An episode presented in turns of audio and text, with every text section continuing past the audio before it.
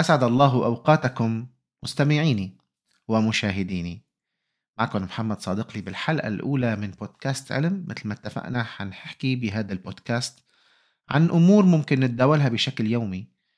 كلمات أو عبارات أو مفاهيم لكن حناقش لكم إياها بطريقة علمية بالاعتماد على الدراسات والأبحاث وبعيدا عن الآراء الشخصية.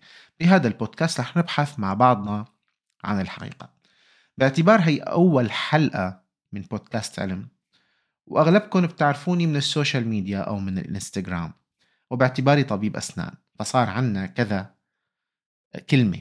عنا علم وعنا بودكاست وعنا social media وعنا طب أسنان. فحبيت أو ممكن تقولوا طب حتى مو إنه طب أسنان. فحبيت إجمع هي المعلومات كلياتها بعنوان حلقة اللي هي الحلقة الأولى من بودكاست علم.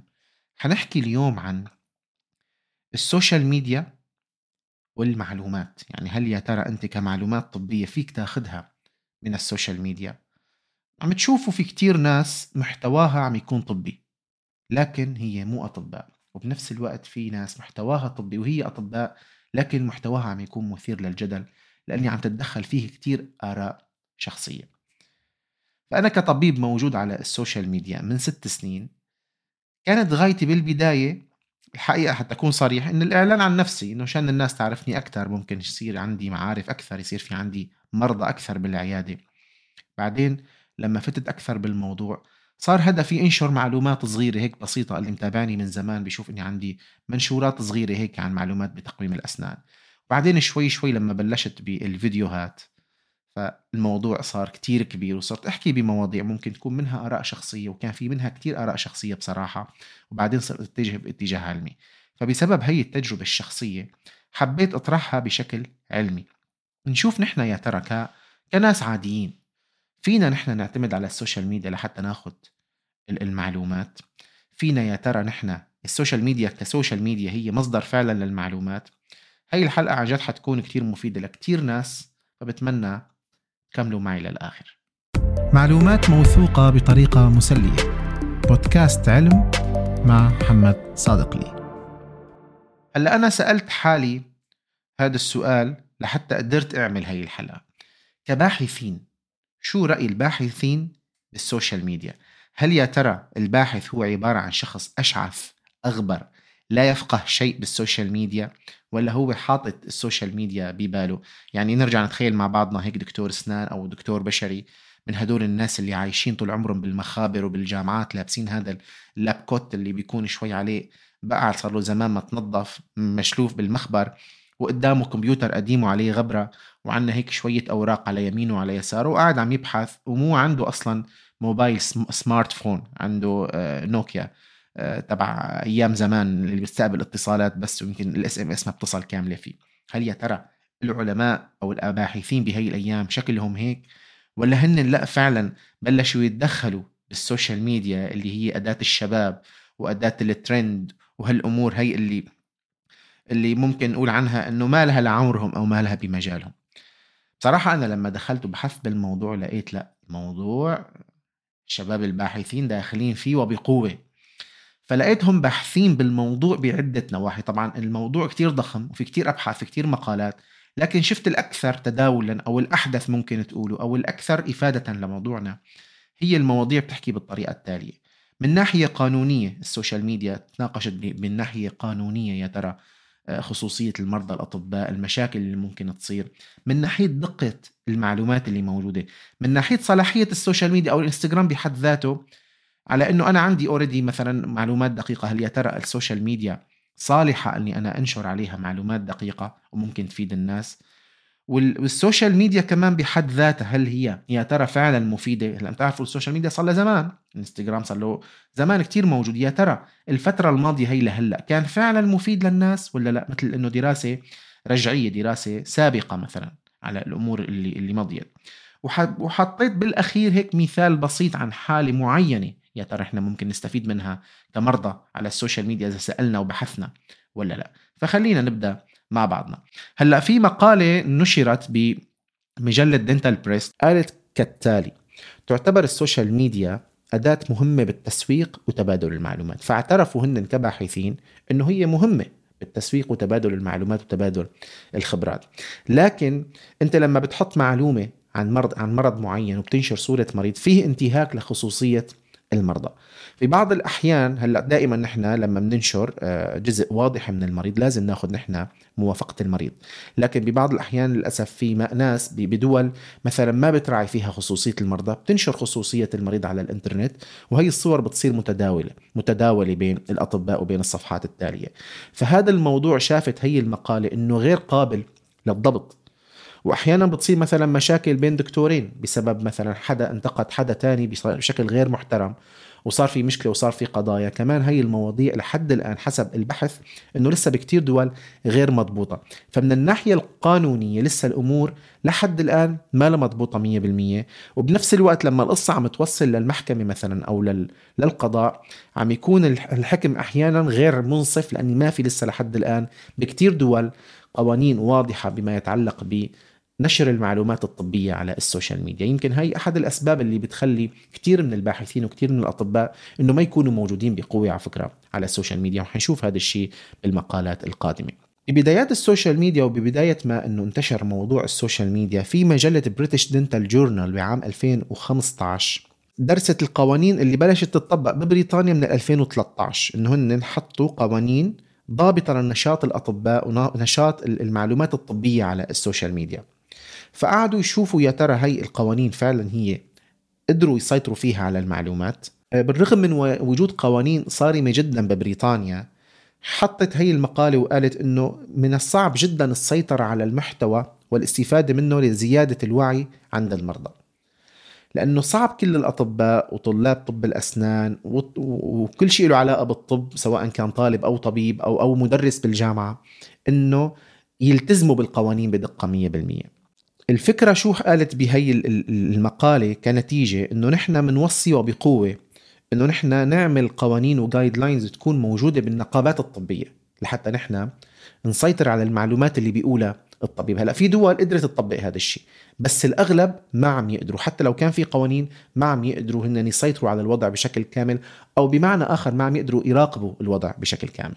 هلا بما يتعلق بالمعلومات بحد ذاتها وال social media في دراسة انعملت على الانستغرام نفسه بحد ذاته هو.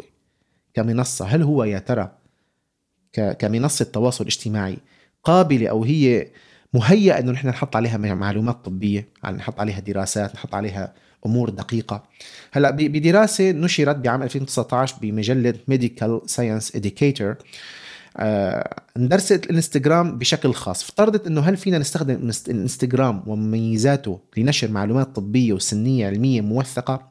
بشكل خاص هون درست بما يتعلق مثلا بالتشريح بال anatomy اللي هو موضوع بسيط ما له علاقة بالأمراض والتشخيص وهالامور هي عبارة عن بس إنه مرجع بالتشريح إنه نستخدم الهاشتاجات نستخدم البوستات نستخدم الفيديوهات وهكذا. وجدت الدراسة أنه فعلا وممكن وبطريقة معينة استخدام الانستغرام لعمل منصة متكاملة لتعليم التشريح للطلاب. ممكن نحن نستفيد منه. ليش؟ لأنه هو عبارة عن موقع. شوفوا هي الميزات تبعيته. موقع قابل للوصول له عن طريق الموبايلات عن طريق التابلت عن طريق الكمبيوتر. من وين ما كان. ممكن نحن نحط الصورة عليه. ممكن الطالب يرجع له بأي وقت. ممكن الفيديو يقربه يرجعه يستخدم الهاشتاجات بالبحث يتناقش مع رفقاته على ال social media بما يتعلق بالتشريح تتثبت المعلومات. وأنا شخصيا كنت عم أقدم البورد الكندي آه، الاختبار الثاني من فترة. كثير استفدت بصراحة من الانستغرام بما يتعلق بصور التشريح المرضي اللي منتشرة آه، الصور النسيجية اللي منتشرة صور الأشعة اللي موجودة. أنا استفدت كثير بالإنستغرام استخدمت هاشتاجات معينة وبحث عن كثير صور أنا استفدت منها بصراحة بشكل شخصي.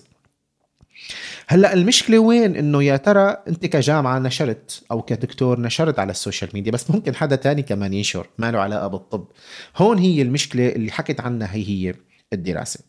قالت إنه أنا عندي دكاترة عندي طلاب بدهم ينشروها بشكل رسمي وبشكل مرخص من الجامعة. هل يا ترى أنت يا إنستغرام يا صديقي الإنستغرام بتقدر تحط لي هي البلو تشيك اللي جنب الاسم توثق لي حسابات الأطباء اللي عندي. للأسف لحد الآن ما في شيء اسمه توثيق بناء على المهنة. هلأ مثلا بالفيسبوك صاروا يوثقوا للصحفيين يوثقوا لأصحاب الناس اللي عندهم مثلا الفنانين المنتسبين لنقابات معينة عم يعطوهم توثيق لكن بالإنستغرام التوثيق حصرا على الشهرة. انت انشهرت بغض النظر ان شاء الله تكون انشهرت انك عم عم تعمل بيض مقلي مثل ما بيقولوا. بس خلص طالما انشهرت بتوثق حسابك. بس انت طبيب انت عالم انت منتسب لجامعة معينة موضوع التوثيق ما عم يكون بهي الكرايتيريا ابدا.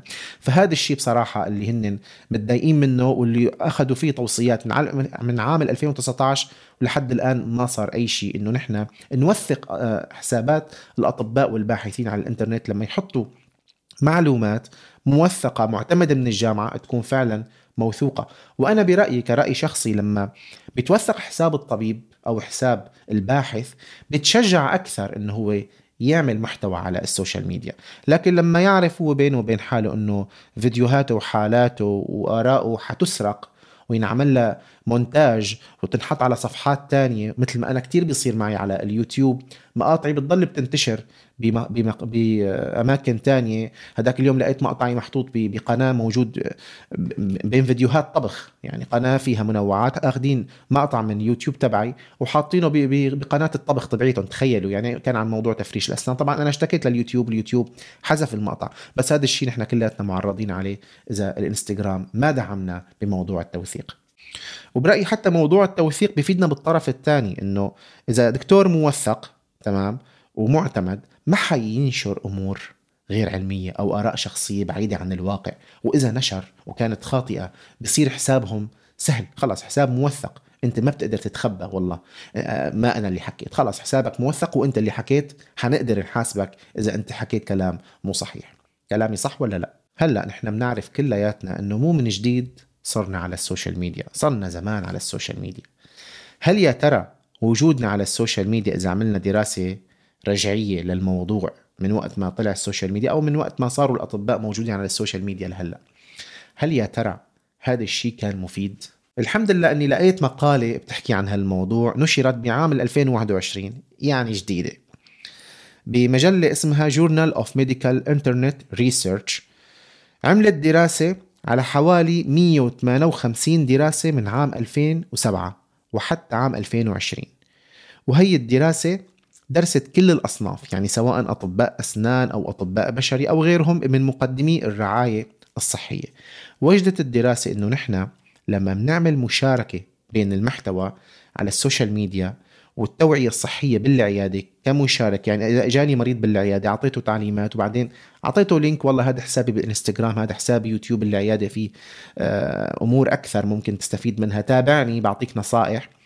بهي الطريقة هال combination هذا اللي شافته شافت إنه هو جدا مفيد وجدا فعال بشكل كتير كبير. كرأي شخصي أنا وعن تجربة شخصية بصراحة المريض بيجي لعندي العيادة بيكون خايف. ممكن لما اكون ركبت له التقويم يكون عنده شوي stress أو تعب مثلا. بعطيه التعليمات ما راح يكون كتير مركز معي بصراحة.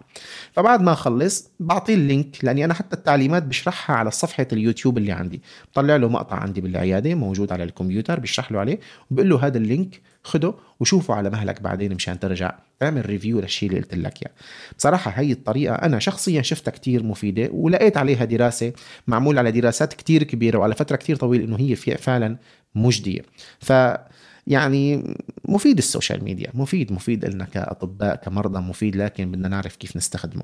هلأ آخر شيء شو عملت أنا؟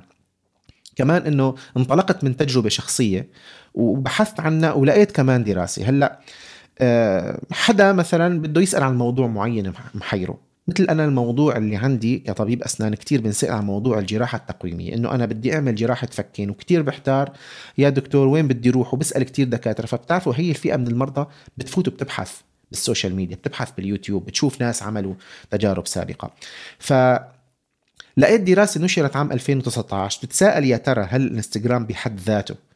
التنوع اللي فيه بيقدر يعطي معلومات كافية. انتبهوا إنه معلومات كافية للمريض اللي محتاج جراحة تقويمية. يعني مثلا آه، كل هالناس اللي بتعمل آه، جراحة تقويمية أو مثلا دكتور عمل جراحة تقويمية في عندي يوتيوب أنا ممكن أبحث عنه. يا ترى هي الدقة بالمعلومات هي كافية كدقة وك quality للمعلومات؟ درسوا حوالي 200 منشور. متعلق بكلمتين مفتاحيتين. وحدة هيك كلمة مفتاحية أو هاشتاج بنقول له نحن بالإنجليزي اللي هو مستخدم بين المرضى اسمه jaw surgery تمام؟ جراحة الفكين. أو المست... والهاشتاج الثاني اللي استخدموه هو اللي المصطلح اللي إحنا بنستخدمه كأطباء اللي هو orthognathic surgery. هدول الهاشتاجين بحثوا فيهم. هلأ hashtag ال jaw surgery اللي هو الأكثر تداولا بين الناس العاديين مو الأطباء شافوا أنه 56% من المنشورات كانت تجارب شخصية. أوكي؟ ركزوا. كتجارب شخصية أنا برأيي لا تعتبر أبدا مصدر للمعلومات. يعني ما بصير أنت تروح تسأل أشخاص عملوا جراحة تقويمية وتأخذ ال feedback منهم وعلى أساسها تروح تقرر تعمل ولا لا. هذا هذا مصدر ابدا مو صحيح للمعلومات. أما بما يتعلق بالهاشتاج الثاني اللي هو العلمي كان تقريبا نص الفيديوهات من أطباء. تمام؟ هلأ كنتيجة كنتيجة آه وصلوا بهي المقالة إنه ابدا ما له مصدر موثوق للمعلومات لأني حتى النص تبع الأطباء تبع ال orthognathic surgery كان في منه نسبة كتير كبيرة له علاقة بال marketing. يعني هيك الدكتور دافش له شوي هيك معلومة زيادة هيك مأفور شوي مشان الناس تحبه ويجوا لعنده على العيادة إلا ما يدخل شوي موضوع ال bias أو الانحياز بالإعلانات التجارية. فشافوا إنه لا موضوع الجراحة التقويمية أو المواضيع المثيرة للجدل لازم المريض ياخذ تعليماته ونصيحته بشكل كامل 100% من طبيب أسنان ومن طبيب جراحة فكين حصرا وليس من السوشيال ميديا. القرارات بالإجراءات الطبية برأيي أنا أصدقائي المستمعين أو المشاهدين على اليوتيوب إنه لازم تتاخذ بعد استشارة أكثر من طبيب وليس البحث على الإنترنت. قولا واحدا لا هلأ وما أتوقع إنه هذا يصير بالمستقبل. القريب إنه وارد إنه الواحد ياخذ قراره بناء على آه، بحث على الإنترنت. هلأ كخاتمة هي الدردشة هي اللطيفة اللي متعلقة بالسوشيال ميديا والمحتوى الطبي أنا أكيد مو ضد الإنستغرام. بهي الحلقة أنا مالي متحيز لأي طرف مثل ما شفنا. آه عم شوف إنه آه، مثل ما شفنا إنه أنا بحثت بالمقالات. الأغلب عم يقول لك إنه في مشاكل جوهرية بدقة المعلومات على السوشيال ميديا سواء بعدم وجود سياسة بتحقق آه، صحة المعلومات أوكي من قبل الإنستغرام. يعني مثلا الانستغرام بيتحقق من ال ads. لما نحن أنا بعمل مثلا sponsor ad أو إعلان قبل ما ينتشر الإعلان ويتوافق عليه بيتحققوا منه. بشوف الفيديو إنه ليش لحتى مثلا ما يتحقق من المنشورات الطبية المتعلقة بالصحة العامة قبل ما تنزل ما يكون في حرية مطلقة بهذا الموضوع. والشيء الثاني كمان إنه ما عم يتحققوا من هوية الشخص الناشر. ليش ما توثقوا حسابات الأطباء أو تعطوها توثيق معين كطبيب إنه أنت ما فيك ما فيك تحط عن حالك أو تحكي عن معلومات طبية إلا تكون معتمد تكون مرخص تكون قابل إنك تحكي بهي المعلومات مشان ما تضلل الناس لأني صار السوشيال ميديا بإيد كل الناس. وموضوع ضعف التقنية بالمعلومات قلت لكم إنه آه، نحن لما بنبحث بالهاشتاجات حسب الهاشتاج اللي عم نبحث فيه بيطلع لنا المحتوى. فشفنا في مقالة قالت إنه كمعلومات عامة إلها علاقة بالبحث عن التشريح أو هالأمور هاي كانت نوعا ما منيحة. بس لما شفنا الدراسة الثانية اللي عم نبحث فيها عن موضوع معين متخصص بأخذ قرار إني أعمل جراحة تقويمية ولا لأ أنا كمريض. لقينا إنه الموضوع ابدا مو مفيد وأغلب الهاشتاج أو أغلب الأمور اللي بحثنا عنها كانت معلومات غير مفيدة، آراء شخصية متعلقة بفيدباك مرضى أو آراء أطباء عم يعملوا تسويق لحالهم.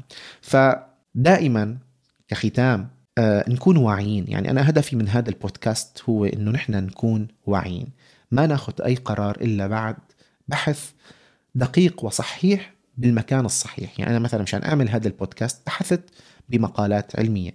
انت بدك تروح تعمل إجراء طبي أو تاخذ معلومة طبية اسأل أهل الاختصاص. ودائما لا تعتمد على مصدر واحد خاصة بالمعلومات أو بالأمور الصعبة. جراحة كبيرة مرض خطير لا سمح الله. استشر أكثر من طبيب لحتى توصل للرأي اللي بالأخير يريحك وبالأخير اختر الطبيب المناسب لك والمعلومة المناسبة لك. كان معكم محمد صادق لي بالحلقة الأولى من بودكاست علم اللي هو عن السوشيال ميديا والمعلومات الطبية وهل يا ترى إحنا فينا نستخدمها أو لا.